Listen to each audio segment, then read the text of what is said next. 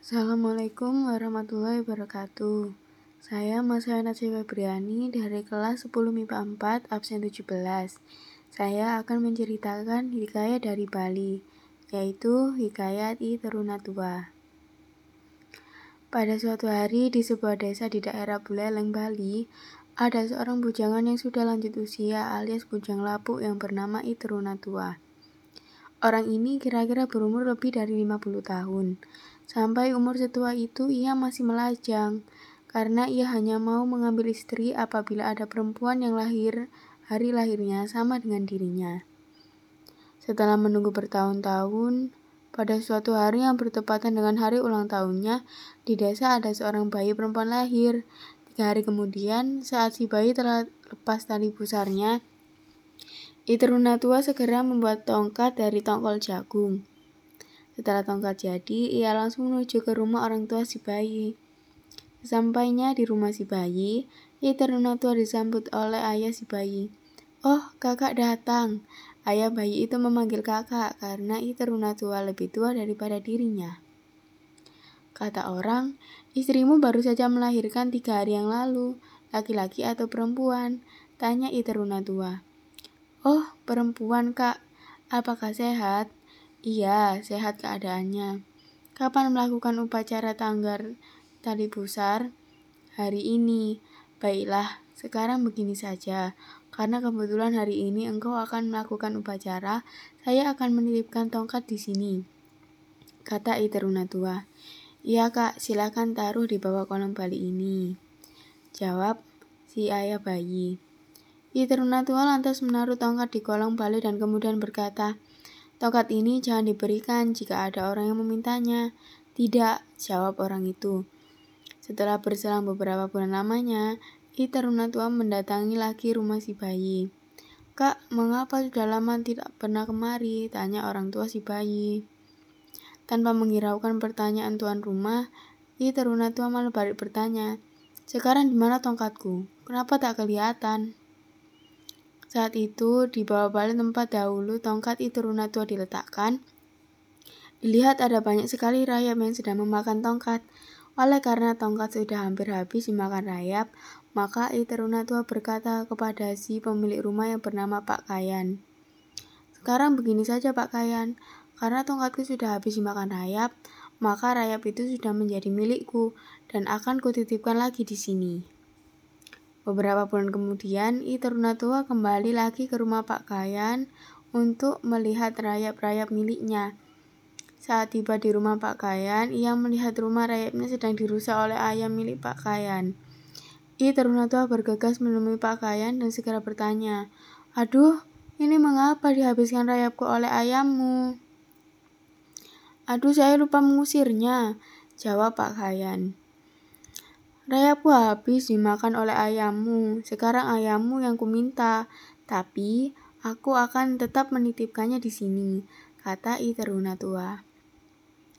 Oleh karena ayam yang sedang menjadi milik I teruna tua adalah betina, maka lama-kelamaan ayam itu bertelur dan menetas menjadi beberapa ekor anak ayam.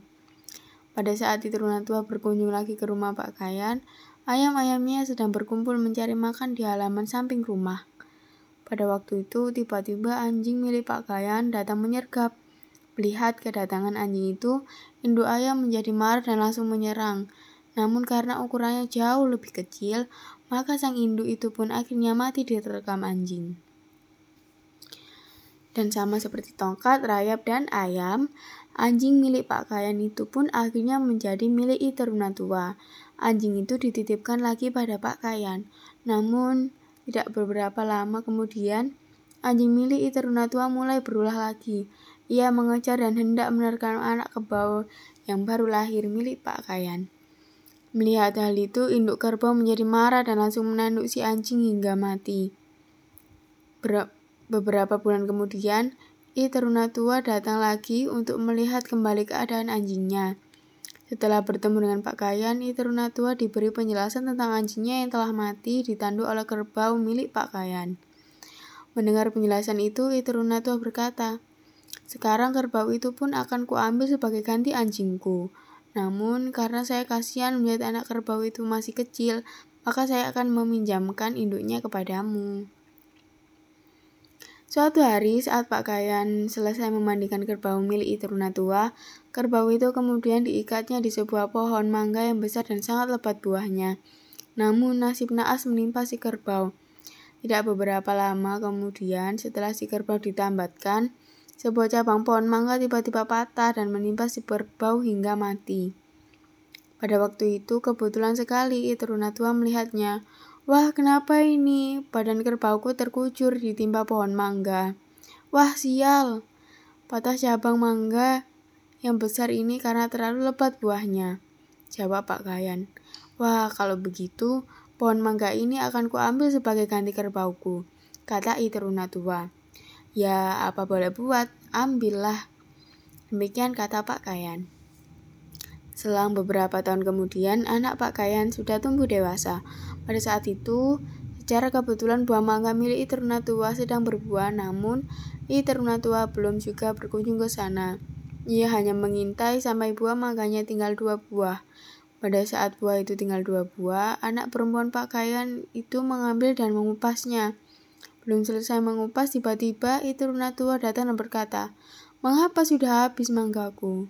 Ini masih dua buah. Jawab anak Pak Kayan yang bernama Wayan. Siapa yang mengupas? Saya sendiri yang memungut dan mengupasnya, jawab Wayang. I teruna tua langsung mendatangi Pak Kayan dan berkata, Anakmu telah menghabiskan buah manggaku. Oleh karena itu, dia akan kuambil sebagai pengganti manggaku. Apa yang akan aku perbuat sekarang? Tanya Pak Kayan. Terserahlah apabila aku melihat sendiri anakmu yang mengupas manggaku. Jika demikian, baiklah. Jawab Pak Kayan. Singkat cerita, anak itu tidak dititipkan kepada Pak Kayan, melainkan diambil dan dikawini sendiri oleh Iteruna tua. Beberapa bulan kemudian, istrinya hamil dan akhirnya melahirkan seorang bayi perempuan. Suatu hari, saat kan menumbuk padi, istrinya berkata, Pak, tolong bawakan anak kita. Jangan panggil bapak, sebaiknya panggil kakak saja, kata suaminya. Ya kak, tolong kakak jaga anak ini, saya akan menumbuk padi, sahut istrinya. Saat ditinggal oleh istrinya, anaknya selalu menangis. Untuk menghentikan tangisan anaknya, Iteruna tua kemudian menyanyikan lagu tentang asal-usul si anak itu. Diam anakku, ibumu asal mulanya adalah sebuah tongkat. Setelah tongkat menjadi rayap, setelah rayap menjadi ayam, setelah ayam menjadi anjing, setelah anjing menjadi kerbau, setelah kerbau menjadi mangga, setelah mangga baru menjadi ibumu sendiri. Mendengar itu, istrinya menjadi marah serta melemparkan alunya. Kemudian ia mendatangi tua dan berkata, Peliharalah anakmu itu. Aku ini orang hina yang berasal dari tongkat. Setelah itu, istrinya pergi meninggalkan tua menuju ke rumah orang tuanya. Setelah istrinya pergi, tua segera menyusulnya. Sampai di rumah mertuanya, tua berkata pada istrinya, Kasihanilah anakmu, mari kita pulang. Aku tak akan ke sana dan menjadi pelayan orang tua bangka sepertimu. Walaupun dijemput dengan emas, aku tak akan mau kembali.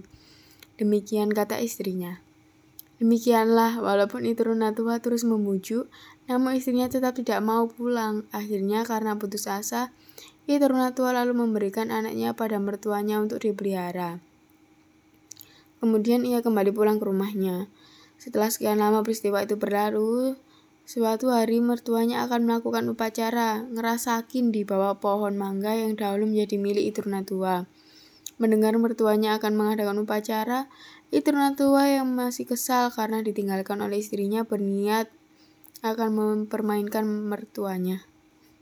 Iturna tua segera menuju ke rumah mertuanya dan memanjat pohon mangga itu. Tidak berapa lama kemudian mertuanya pun datang dan langsung membakar dupa dan mempersiapkan tepung tawar di bawah pohon mangga tempat itu Runa tua bersembunyi. Setelah itu Pak Kain pun berkata, Dewa Ratu Jero Sedahan Abian, hamba sekarang menghancurkan tepung tawar manjagau. Cek cek cek cek, sahut menantunya dari atas seperti suara cicak.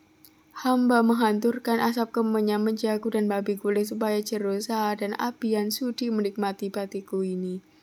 Kata Pak Kayan. Cek cek cek cek. Jika tak disediakan juga satu paha babi guling untuk menantuku, Tak akan kuterima baktimu, ujar Itrunatua dari atas pohon. Baiklah, jeru sedahan abihan. Tetapi bagaimana caranya saya memberikan paha babi guling pada menantu saya? Suruh saja supaya anak membawakannya ke rumah suaminya. Demikian kata Itrunatua. Singkat cerita, istri Itrunatua lalu disuruh oleh ayahnya ke rumah suaminya untuk menghantarkan paha babi guling. Setelah berada di sana, dan segala bujuk rayunya, akhirnya Iwayan bersedia berkumpul dengan itu tua. Begitulah suami istri itu hidup rukun kembali hingga akhir hayat. Demikianlah cerita hikayat itu tua yang berasal dari bayi. Wassalamualaikum warahmatullahi wabarakatuh.